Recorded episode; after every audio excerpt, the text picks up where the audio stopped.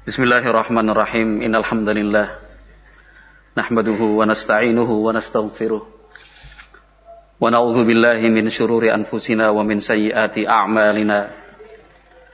من يهده الله فلا مضل له ومن يضلل فلا هادي له. أشهد أن لا إله إلا الله وحده لا شريك له وأشهد أن محمدا عبده ورسوله لا نبي بعده. قال ربنا جل وعلا في القرآن الكريم يا أيها الذين آمنوا اتقوا الله حق تقاته ولا تموتن إلا وأنتم مسلمون فإن أصدق الحديث كتاب الله وخير الهدى هدى نبينا محمد صلى الله عليه وسلم وشر الأمور محدثاتها فإن كل محدثة بدعة وكل بدعة ضلالة وكل ضلالة في النار إخواتي في الله معاشر المسلمين rahimakumullah. Nabi Muhammad sallallahu alaihi wasallam diberi banyak kelebihan dan keistimewaan oleh Allah Subhanahu wa taala. Di antara para nabi dan para rasul semua yang diutus oleh Allah, nabi kita Nabi Muhammad sallallahu alaihi wasallam memiliki kedudukan yang lebih tinggi.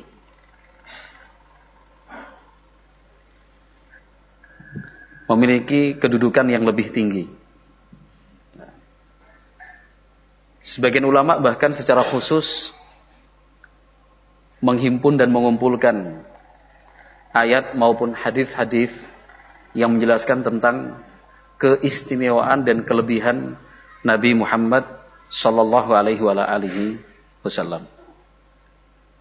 Yang kemudian disimpulkan juga bahwa setiap kelebihan dan keistimewaan yang dimiliki oleh Nabi Muhammad sallallahu alaihi wasallam maka sekaligus kelebihan dan keistimewaan umatnya. Nah, maka kita sebagai umat Nabi Shallallahu Alaihi Wasallam harus banyak-banyak bersyukur karena telah terpilih menjadi bagian dari umat Nabi Muhammad Shallallahu Alaihi Wasallam. Di antara kelebihan dan keistimewaan Nabi Muhammad Wasallam adalah beliau diberi kesempatan untuk menyampaikan syafaat, menyampaikan syafaat, syafaat yang diberikan untuk Nabi Muhammad Wasallam berwujud permohonan untuk keringanan hukuman atau untuk meninggikan derajat bagi mereka yang memang berhak dan telah memenuhi syarat. Sebagai umat Islam, ahlu sunnah wal jamaah, kita beriman dan percaya bahwa pada hari kiamat nanti Nabi Muhammad Shallallahu Alaihi Wasallam akan memberikan syafaatnya, akan memberikan syafaatnya. Untuk siapa saja? Diterangkan oleh Syekh Al Fauzan Saleh Al Fauzan hafizahullah taala bahwa Nabi Muhammad alaihi salatu wassalam memiliki enam bentuk syafaat. Nabi Muhammad alaihi salatu wasallam memiliki enam bentuk syafaat. Dan itu semua adalah keistimewaan Nabi kita Muhammad sallallahu alaihi wasallam. Nah, yang pertama yang kemudian disebut asy-syafa'atul kubra. Syafaat paling besar. Allati yakhtassu biha nabiyyuna Muhammadun sallallahu alaihi wasallam yang itu memang sangat khusus untuk Nabi Muhammad sallallahu alaihi wasallam. Apa asy-syafa'atul kubra?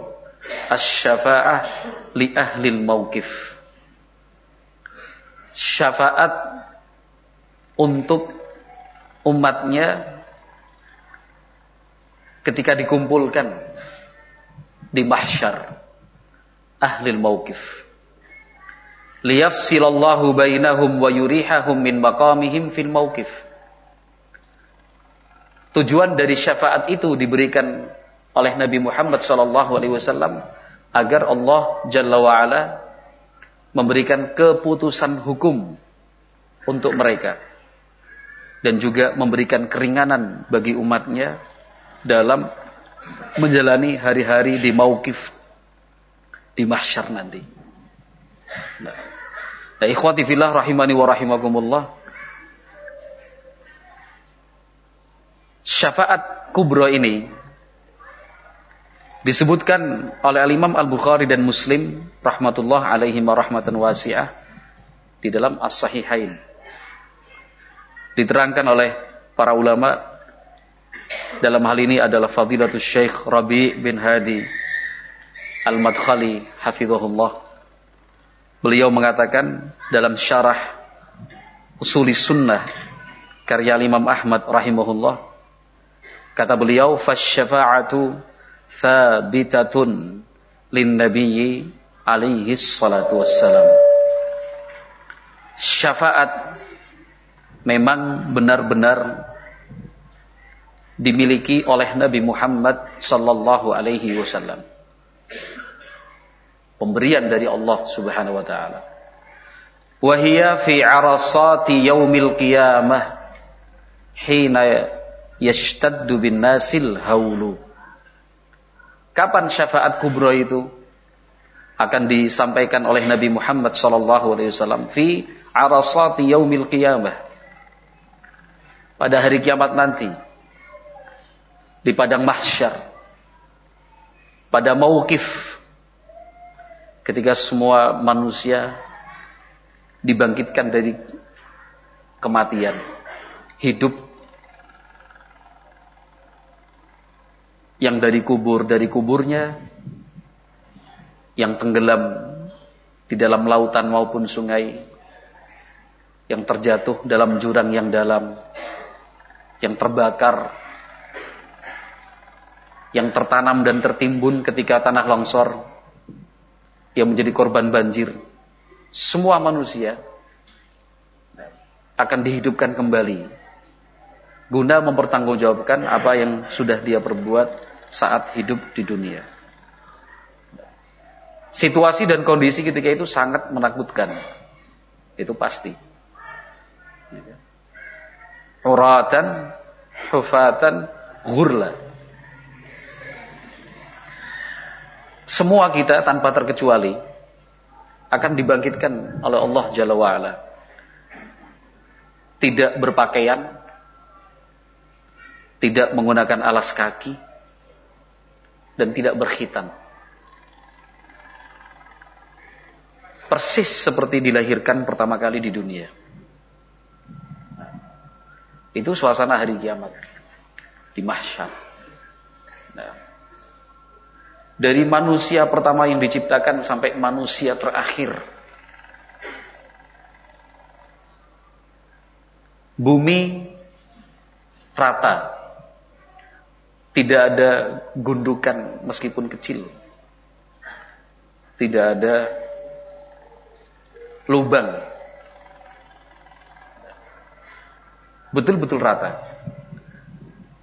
Tidak ada bangunan ataupun pohon yang berdiri di atasnya karena diratakan oleh Allah Jalla wa'ala. Matahari didekatkan di atas kepala manusia. Itu betul-betul dahsyat. Nah, betul-betul dahsyat. Di antara bentuk kedahsyatannya apa? Jawaban dari Nabi Muhammad Shallallahu Alaihi Wasallam ketika ditanya oleh Aisyah Ummul Mukminin Ketika Nabi Muhammad SAW menerangkan bahwa pada hari kiamat semua orang itu akan dibangkitkan dan dihidupkan lagi dalam keadaan tidak berpakaian, tidak beralas kaki, tidak berkhitan.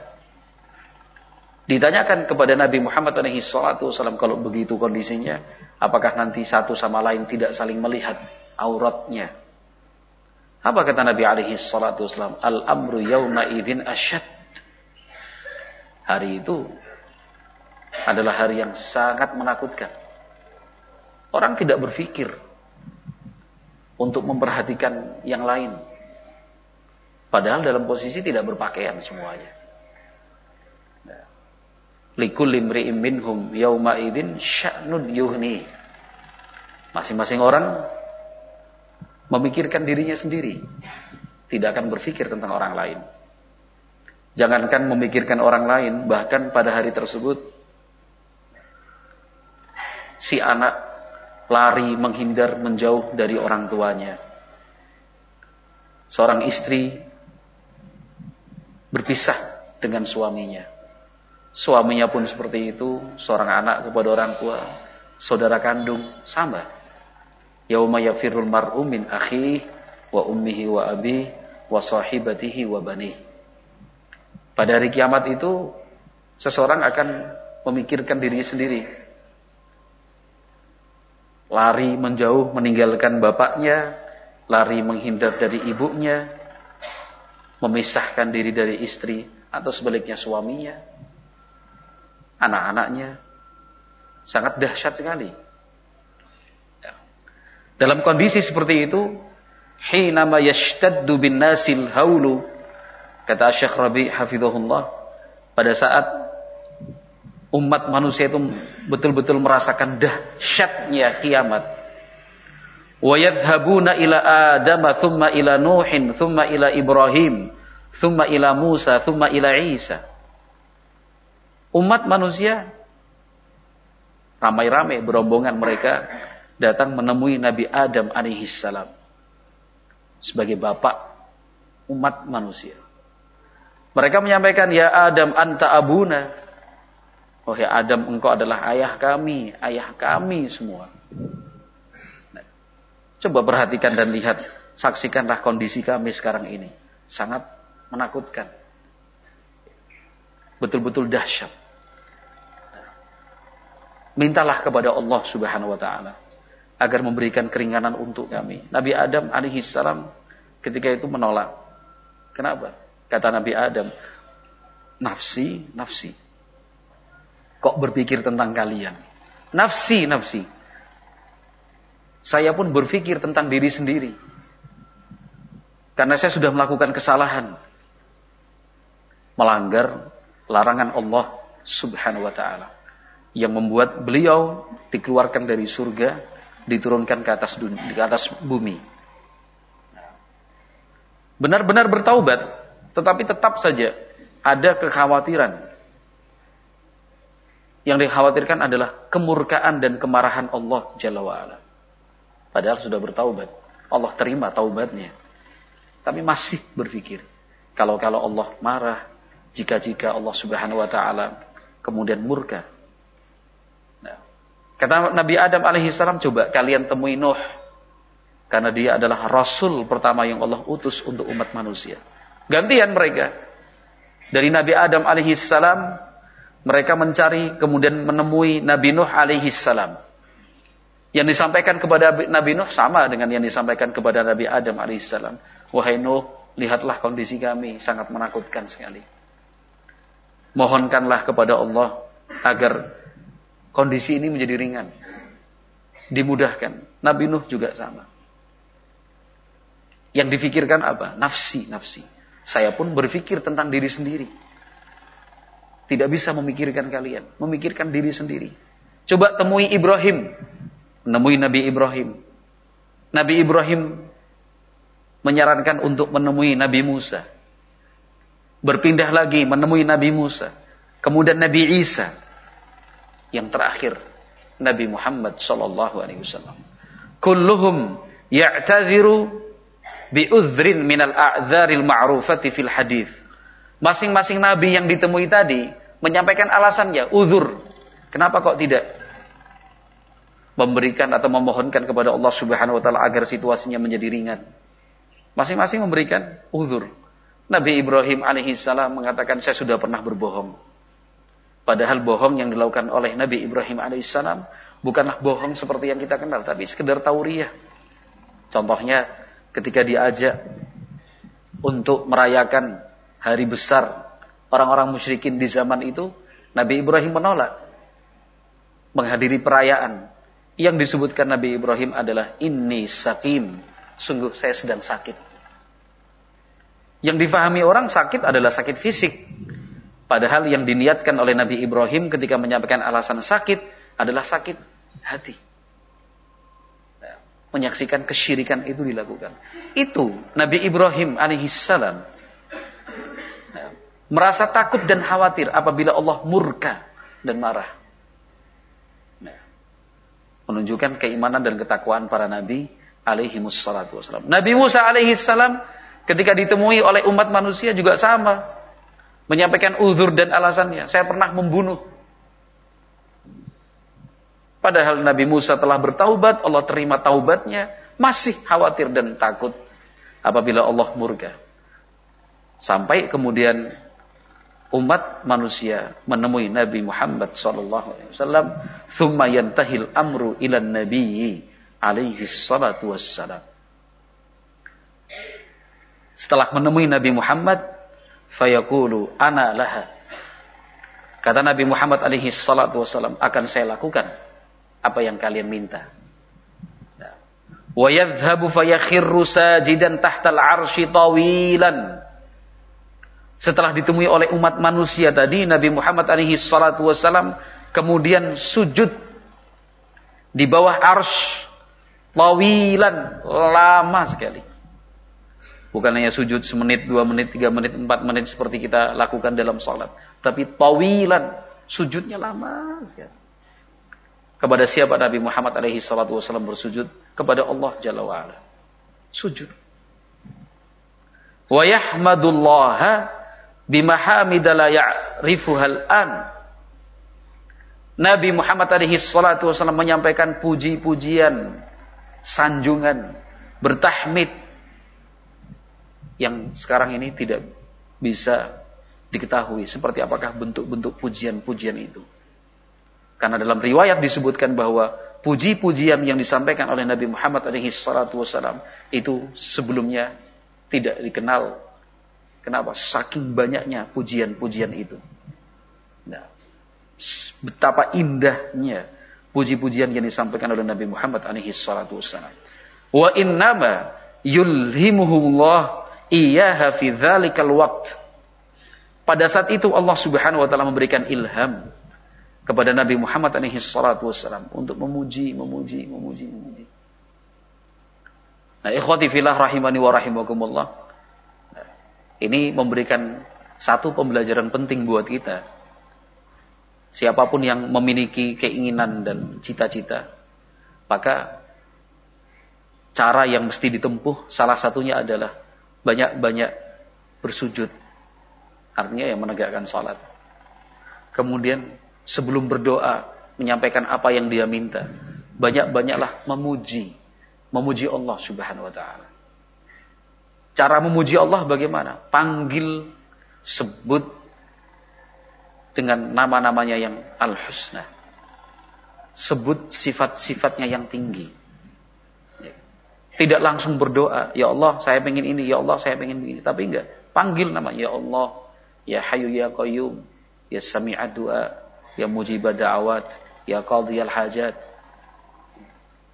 Sebut, ya Salam, ya Muhaimin, ya Jabbar, ya Wahab, ya Karim, ya Rahma, ya Rahim. Sambil dimengerti dan difahami apa arti dari tiap-tiap nama yang dia sebut itu. Diulang-ulang terus. Dipanggil nama Allah subhanahu wa ta'ala. Mengaku di hadapannya. Inni kuntu minal zalimin. Inni kuntu minal zalimin. Faghfirli. Ya Allah, aku termasuk orang-orang yang selalu berbuat zalim. Banyak memuji, memuji, memuji, memuji terus. Salawat dan salam pun terucapkan untuk Nabi Muhammad wasallam. Setelah itu sampaikan apa permintaan kita. Ya. Apa permintaan kita? Yang ingin segera menikah, yang ingin mendapatkan pekerjaan layak sehingga tidak mengganggu ibadah, yang ingin segera punya anak, ya, kan? yang ingin disembuhkan penyakitnya, yang berharap agar orang tuanya mendapatkan hidayah, yang menginginkan anak-anaknya soleh dan soleha, yang ingin mendapatkan ilmu bermanfaat, yang ingin dimudahkan dalam menghafal Al-Quran, minta kepada Allah Jalla wa'ala. Nabi Muhammad alaihi salatu wasallam sujudnya lama sekali waktu itu. Lama sekali. Nabi Muhammad alaihi salatu wasallam memuji dan memuji Allah. Thumma yuqalu lahu setelah itu Nabi Muhammad alaihi salatu wasallam dipersilahkan irfa' ra'sak wasal tu'ta washfa' tushaffa' ada perintah ditujukan kepada Nabi Muhammad irfa' ra'sak angkat kepalamu ya Muhammad. Wasal minta apa yang engkau inginkan? Tu'ta pasti dikabulkan. Washfa' tushaffa' Berikanlah syafaat kepada setiap orang yang engkau kehendaki. Itu syafaat. Syafaatmu itu pasti akan diterima. Setelah melalui proses panjang. Ini disebut dengan apa? As-syafa'atul kubro. Syafaat kubro. Syafaat besar. Yang memang khusus untuk Nabi Muhammad sallallahu alaihi wasallam. Agar tujuannya liyafsilallahu bainahum wa yurihahum min maqamihim fil mauqif. Agar Allah Subhanahu wa taala memberikan keputusan dan ketetapan hukum untuk mereka dan supaya Allah Subhanahu wa taala memberikan keringanan dari situasi yang sangat menakutkan pada saat itu. Nah, ini disebut dengan apa? Asy-syafa'atul kubra. Nah, Asy-Syaikh Rabi hafizahullah beliau menjelaskan selanjutnya walahu syafa'atun ukhar. Syafaat yang akan diberikan oleh Nabi Muhammad itu bukan hanya syafaat kubro saja. Tetapi masih ada beberapa bentuk syafaat lainnya. Ada beberapa bentuk syafaat lainnya. Seperti apa? Kalau tadi syafaat kubro itu adalah syafaat pertama, maka syafaat yang kedua adalah syafaatuhu li ahlil jannati hatta yadkhuluha. Syafaat yang diberikan oleh Nabi Muhammad alaihi salatu wassalam untuk ahlul jannah. Untuk umatnya penduduk surga hatta yadkhuluha supaya mereka segera masuk ke dalam surga. Nah, itu permohonan diajukan oleh Nabi Muhammad alaihi salatu wasallam kepada Allah Azza wa Jalla. Meminta kepada Allah agar penduduk surga segera masuk ke dalam surga. Itu juga disebut dengan syafaat, permohonan dari Nabi. Yang ketiga, syafaat yang akan diberikan oleh Nabi Muhammad, asy-syafa'atu liqaumin minal usati istaujabu dukhulan nari an la yadkhuluha. Syafaat ketiga itu adalah syafaat yang diberikan oleh Nabi Muhammad alaihi salatu wasallam tentunya dengan seizin Allah Jalla wa ala untuk sejumlah pelaku maksiat. Orang-orang yang menanggung beban dosa. Istaujabu dukhulan nar. Dengan dosa dan kesalahan yang diperbuat oleh mereka istaujabu dukhulan nar. Mengharuskan mereka masuk neraka. Dengan dosa yang dia perbuat mestinya masuk neraka. Karena ancamannya seperti itu. Dengan kesalahan-kesalahan yang dilakukan selama hidupnya dia diancam dengan neraka. Nah Nabi Muhammad alaihi salatu wasallam memberikan syafaat an la yadkhuluha supaya mereka tidak masuk neraka Sekali saya ulangi kembali, mereka punya dosa. Mereka membawa beban kesalahan yang dilakukan ketika hidup di dunia. Ada dosa, ada kesalahannya. Dengan dosa dan kesalahan itu diancam masuk neraka. Nah, diancam masuk neraka. Namun Nabi Muhammad alaihi salatu wasallam memintakan syafaat kepada Allah Azza wa Jal agar orang-orang tadi jangan masuk neraka. Tetapi tentunya ikhwati fillah rahimakumullah nanti pun akan kita baca hadisnya. Nah, mereka para pelaku maksiat ini yang kemudian dibohonkan syafaat oleh Nabi diancam masuk neraka tetapi dimintakan oleh Nabi agar tidak masuk neraka ya tidak semua pelaku maksiat mereka yang melakukan maksiat tetapi memiliki tauhid di dalam hatinya bukan kesyirikan yang dia perbuat kalau sudah kesyirikan yang dia perbuat lain perkara Nanti akan kita baca hadisnya. Hadis Abi Hurairah insyaallah. Tapi sekarang kita masih sebatas mengenal bentuk-bentuk syafaat yang akan diberikan oleh Nabi Muhammad alaihi salatu wasallam pada hari kiamat. Jadi bentuk yang ketiga adalah syafaat untuk pelaku maksiat. Mereka yang diancam masuk neraka supaya tidak masuk neraka. Ar-rabi'u yang keempat, asy-syafa'atu fi qaumin minal usati dakhalun nara an yakhruju minha. Syafaat bentuk yang keempat adalah syafaat untuk sejumlah orang pelaku maksiat, pelaku dosa yang sudah dimasukkan ke dalam neraka an yakhruju minha. Nabi Muhammad memberikan syafaat agar mereka dikeluarkan dari neraka. Dikurangi hukumannya. Itu juga syafaat yang akan diberikan oleh Nabi Muhammad alaihi salatu wassalam. Sudah masuk di neraka. Kalau yang ketiga tadi belum dimasukkan neraka. Tapi berdasarkan dosa dan kesalahannya diancam dimasukkan ke dalam neraka. Nah, Nabi Muhammad memohonkan syafaat, jangan dimasukkanlah ke dalam neraka. Adapun yang keempat untuk siapa? Untuk orang-orang yang sudah dimasukkan ke dalam neraka. Permintaan dari Nabi, permohonan yang beliau sampaikan kepada Allah apa? an yakhruju minha supaya dikeluarkan dari neraka. Al-khamisu yang kelima asy-syafa'atu fi qaumin min ahlil jannati li ziyadati thawabihim wa rif'ati darajatihim. Syafaat bentuk yang kelima adalah syafaat yang dimohonkan oleh Nabi Muhammad alaihi salatu wasallam kepada Allah untuk sejumlah orang penduduk surga agar pahalanya dilipat gandakan, derajatnya ditinggikan. Orang-orang itu sudah masuk surga. Orang-orang itu sudah masuk surga. Kaum mukminin orang-orang yang bertakwa. Tetapi surga itu kan bertingkat-tingkat. Surga itu bertingkat-tingkat. Nah, dengan iman dan takwanya, dengan ibadah dan amal solehnya, sejumlah orang menempati bagian surga yang telah dijanjikan. Nah, Nabi Muhammad alaihi salatu wasallam memohonkan syafaat agar orang-orang tadi derajatnya ditinggikan. Tingkatannya dinaikkan. Itu syafaat juga dari Nabi Muhammad alaihi salatu wasallam. Yang keenam, yang terakhir adalah syafaatuhu sallallahu alaihi wasallam fi ammihi Abi Talibin an yukhaffafa anhu adzaban nar an yukhaffifa anhu adzaban Yang keenam adalah syafaat secara khusus yang dimohonkan oleh Nabi Muhammad SAW untuk pamannya Abu Talib agar siksa neraka itu diringankan untuknya. Diringankan untuknya. Abu Talib meninggal dunia dalam keadaan kafir. Diajak masuk Islam oleh Nabi, menolak. Kenapa? Mengaruh teman dekat.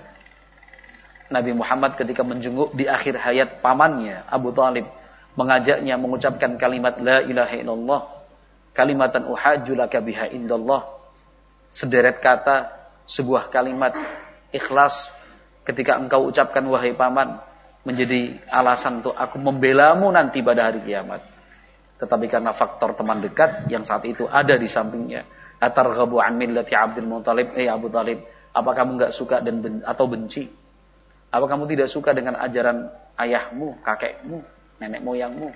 Ajarannya Abdul Muthalib, bimbang, ragu. Tapi sampai kemudian pada akhirnya Abu Talib, paman Nabi meninggal dunia.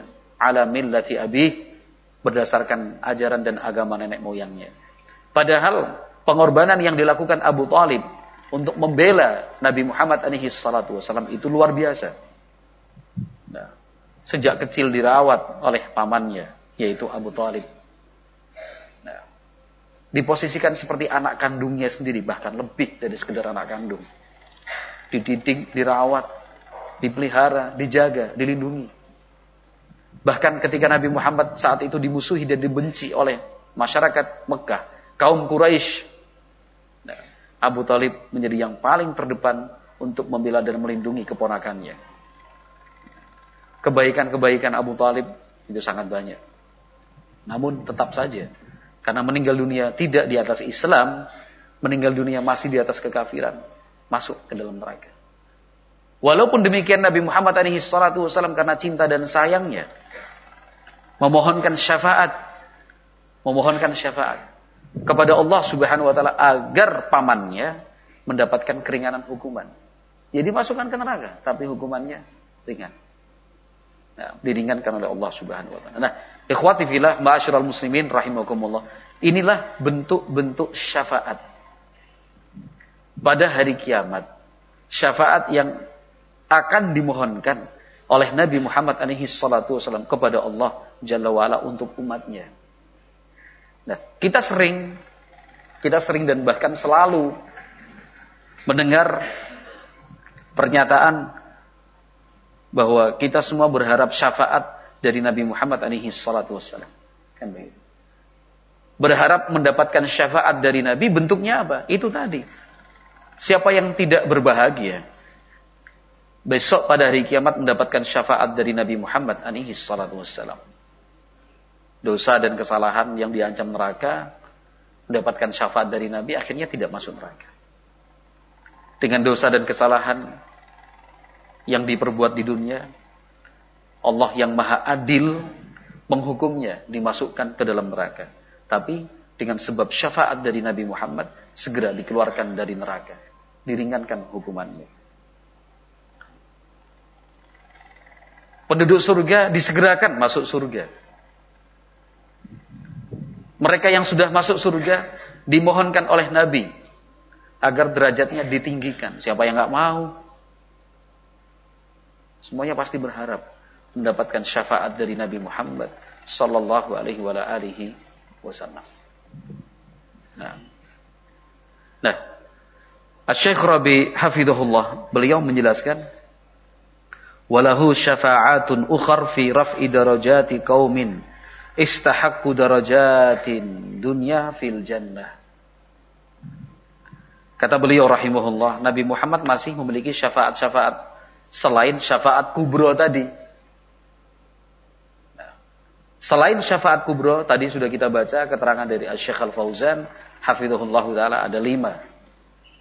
Plus syafaat kubro, enam bentuk syafaat yang akan diberikan oleh Nabi Muhammad alaihi salatu wasallam.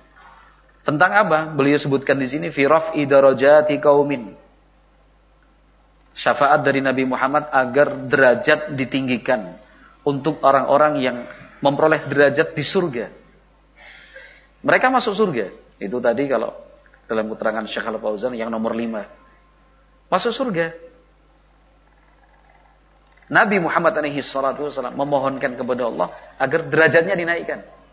Karena ingat surga itu bertingkat-tingkat. Nah, siapa yang nggak mau? Wa yashfa'u fihim fayarfa'uhumullah.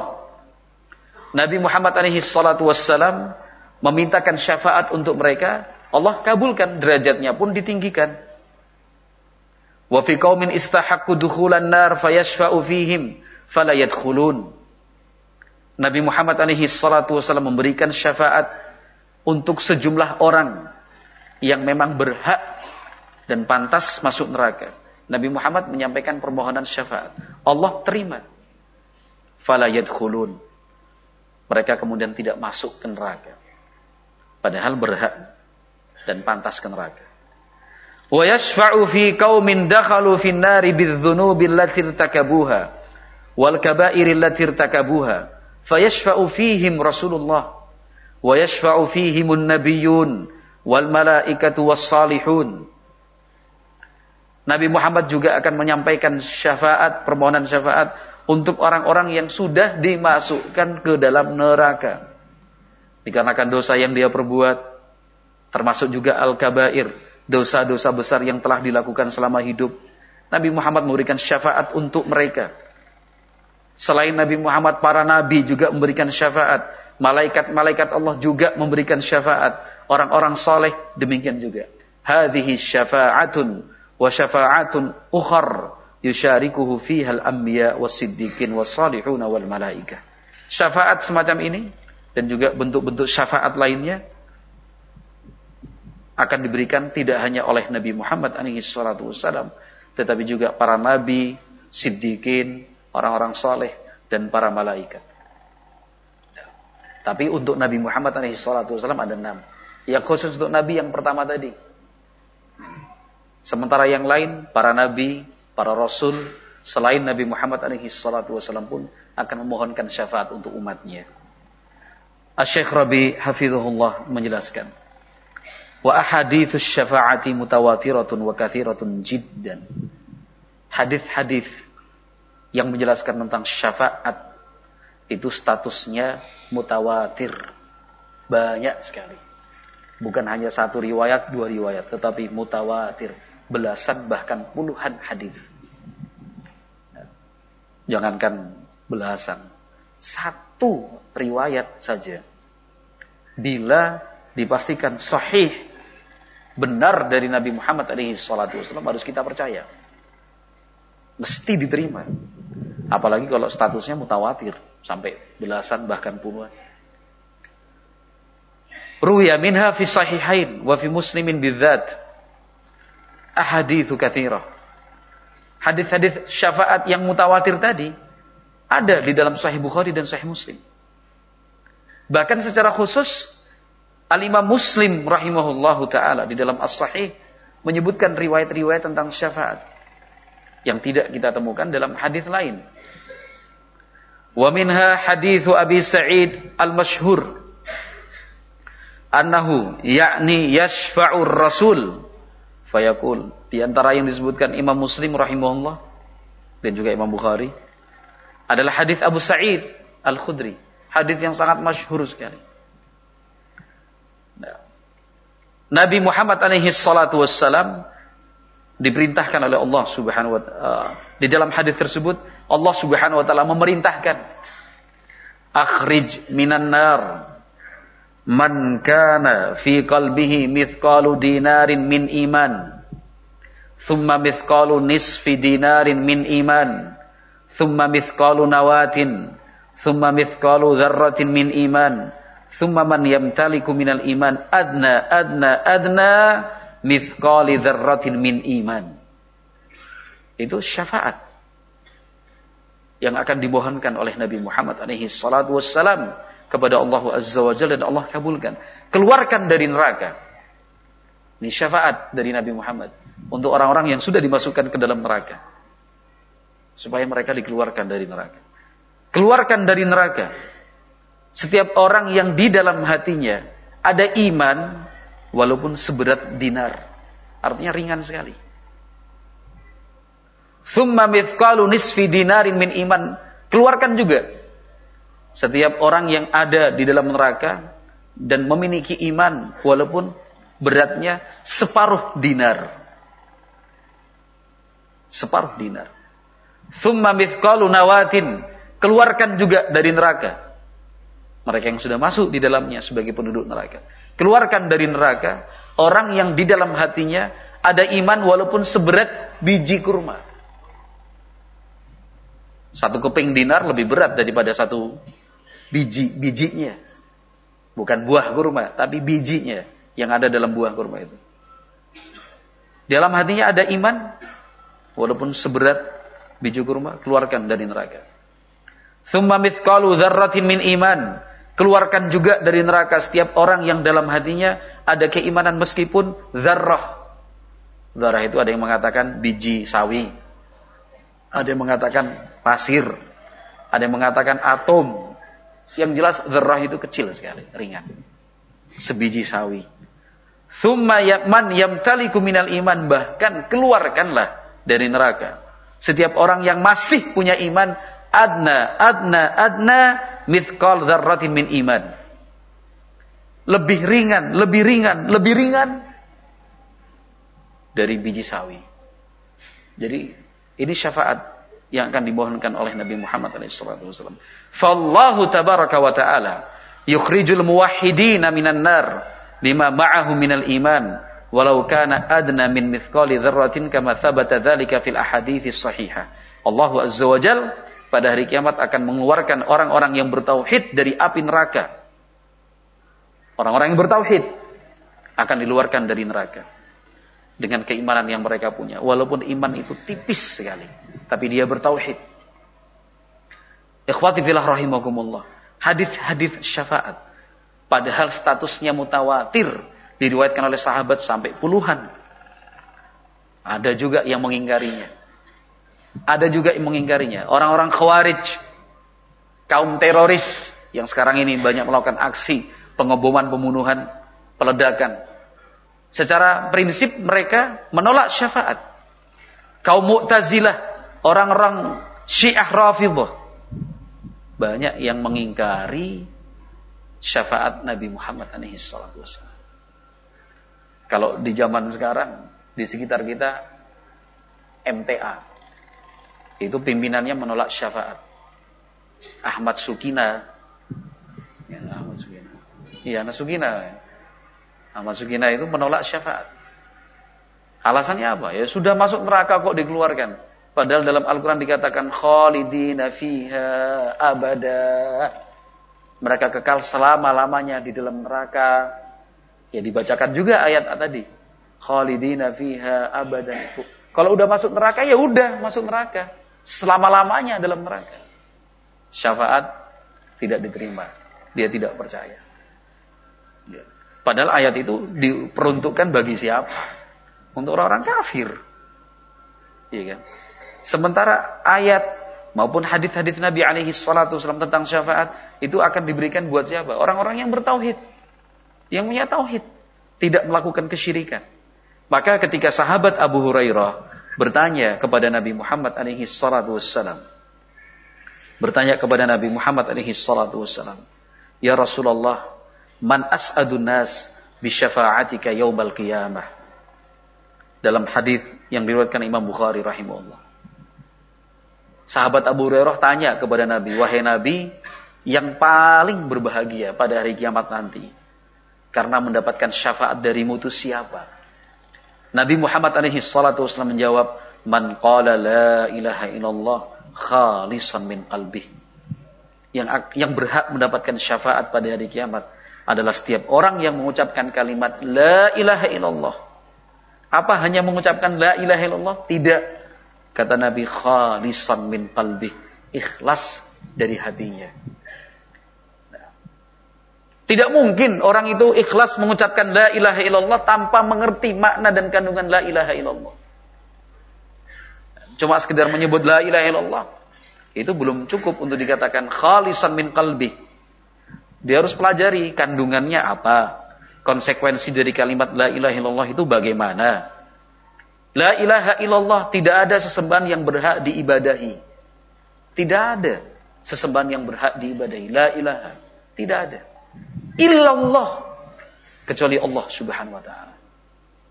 Maka setiap bentuk ibadah harus diperuntukkan bagi Allah subhanahu wa ta'ala. Dipersembahkan untuk Allah subhanahu wa ta'ala. Itu yang namanya tauhid. Tapi ibadah sekecil apa pun itu dan sesedikit apa pun itu diberikan untuk selain Allah berarti tauhidnya sudah rusak. Dia terjatuh dalam kesyirikan. Nah, tugas yang paling berat adalah memahami dan memahamkan. Yang disebut ibadah itu apa? Yang dimaksud ibadah itu apa? Banyak hal masuk dalam status ibadah, tapi dia nggak biasa. Yang biasa sujud itu ibadah. Sujud itu adalah ibadah. Dari mana kita tahu kalau sujud itu adalah ibadah? Allah perintahkan untuk bersujud. Karena Allah perintahkan untuk melakukannya berarti itu adalah ibadah.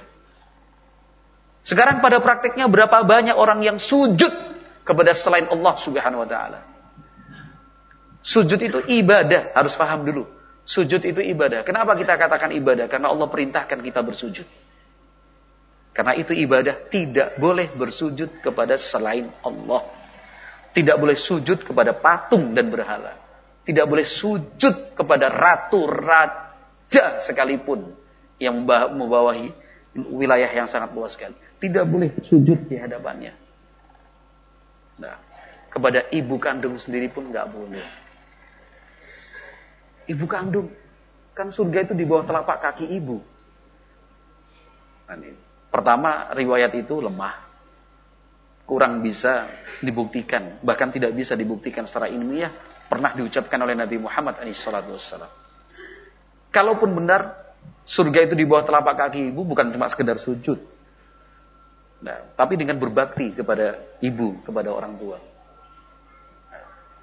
Apalagi ada larangan sujud kepada selain Allah Subhanahu wa taala.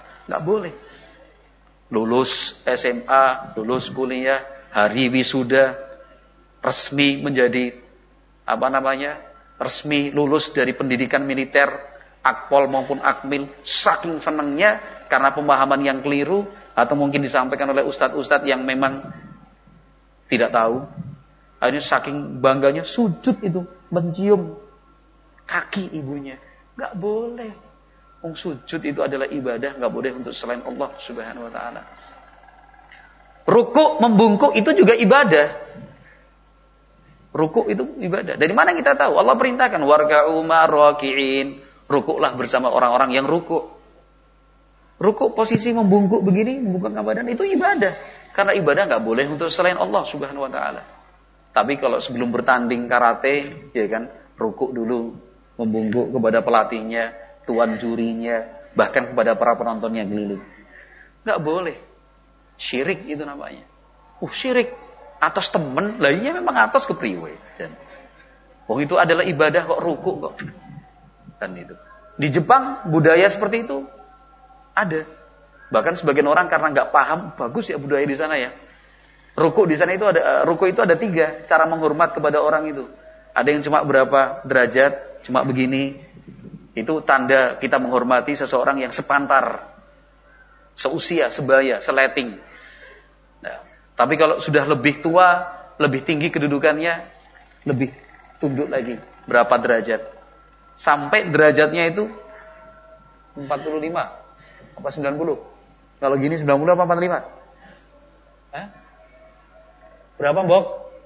Oh, 90. 90. Itu betul-betul rukuk seperti orang sholat betul. Itu dilakukan kepada kaisar. Ya, kepada perdana menteri yang kedudukannya sangat tinggi atau sebagai bentuk permohonan maaf yang mendalam itu budaya Jepang. Nggak boleh. Mau tiru-tiru, bagus ya budayanya, yuk kita hidupkan di Indonesia. Nggak bisa, nggak bisa, nggak boleh. Karena ruku itu adalah ibadah, ibadah, nggak boleh. Menyembelih juga itu ibadah. Fasali li rabbika wanhar. Menyembelih itu adalah ibadah. Nggak boleh kok menyembelih ditujukan kepada makhluk. Kecuali yang memang diizinkan Allah. Itu berarti menyembelihnya bukan karena makhluk. Karena perintah Allah. Memuliakan tamu. Misalkan. Kita punya pitik lah. Pitik Jawa. Sembelih. Kenapa? Tujuannya memuliakan. Karena Nabi Muhammad perintahkan kita memuliakan tamu. Boleh. Itu pun mengucapkan bismillah. Tapi kalau sebuah sekolahan siswa-siswinya mengalami kesurupan. Sampai 20-30 siswa-siswi kesurupan. Mau ditambah orang bisa. Akhirnya wong pinter diundang Kata orang pinternya, jadi si pinter. Pinter apa? Pinter ngapusi. Ya kan, ya kan. Katanya orang pinter ini harus disembelihkan ini. Seekor kambing. Supaya yang jaga di sini sing bau reksa orang nesu. Kambing keprepak. Ya, kambing ini-ini. Disembelih. Setelah disembelih darah itu mengalir. Langsung pada mari. Sembuh ya bener ya. Bener, bener, bener. Sebuah perusahaan tekstil. Konveksi. Kan. Karyawannya mengalami kesurupan sama dukun yang di sekitar situ ini harus merti desa. Jalan masuk desa harus diperbaiki. Setelah itu dibuat acara tumpengan, nyembelih wedus. Ya, percaya baiklah. Gitu, ya udah. Oh, setan mengganggu, ya kan? Jin-jin itu mengganggu, kesurupannya gampang. Setelah itu supaya apa? Diikuti apa maunya. Gak boleh yang seperti itu. Ingin mengharapkan syafaat dari Nabi, sholat orang tahu, Padahal kalau bicara pembukaan keras banget ingkang kita antu antu syafaatipun benjang dinten kiamat. Eh, ngantu-antu apa? Wong. Kalau pengen betul ngantu-antu syafaatipun kanjeng Nabi ya, jadilah pengikut Nabi Muhammad yang baik. Perintah-perintah Nabi ya dikerjakan. Sholat lima waktunya juga diperhatikan. Jangan melakukan kesyirikan. Itu jelas sekali. Nah itu tugas kita bersama untuk memahamkan dengan cara yang baik, dengan langkah yang bijak, supaya orang tidak kemudian malah sakit hati atau tersinggung dengan apa yang kita sampaikan. Baik-baiklah kita menyampaikan, mudah-mudahan kita semua termasuk yang berbahagia pada hari kiamat nanti, mendapatkan syafaat dari Nabi Muhammad sallallahu alaihi wasallam. Kita cukupkan sekian. Subhanakallahumma wa bihamdik. Asyhadu an la ilaha illa anta astaghfiruka wa atubu ilaik. Assalamualaikum warahmatullahi wabarakatuh.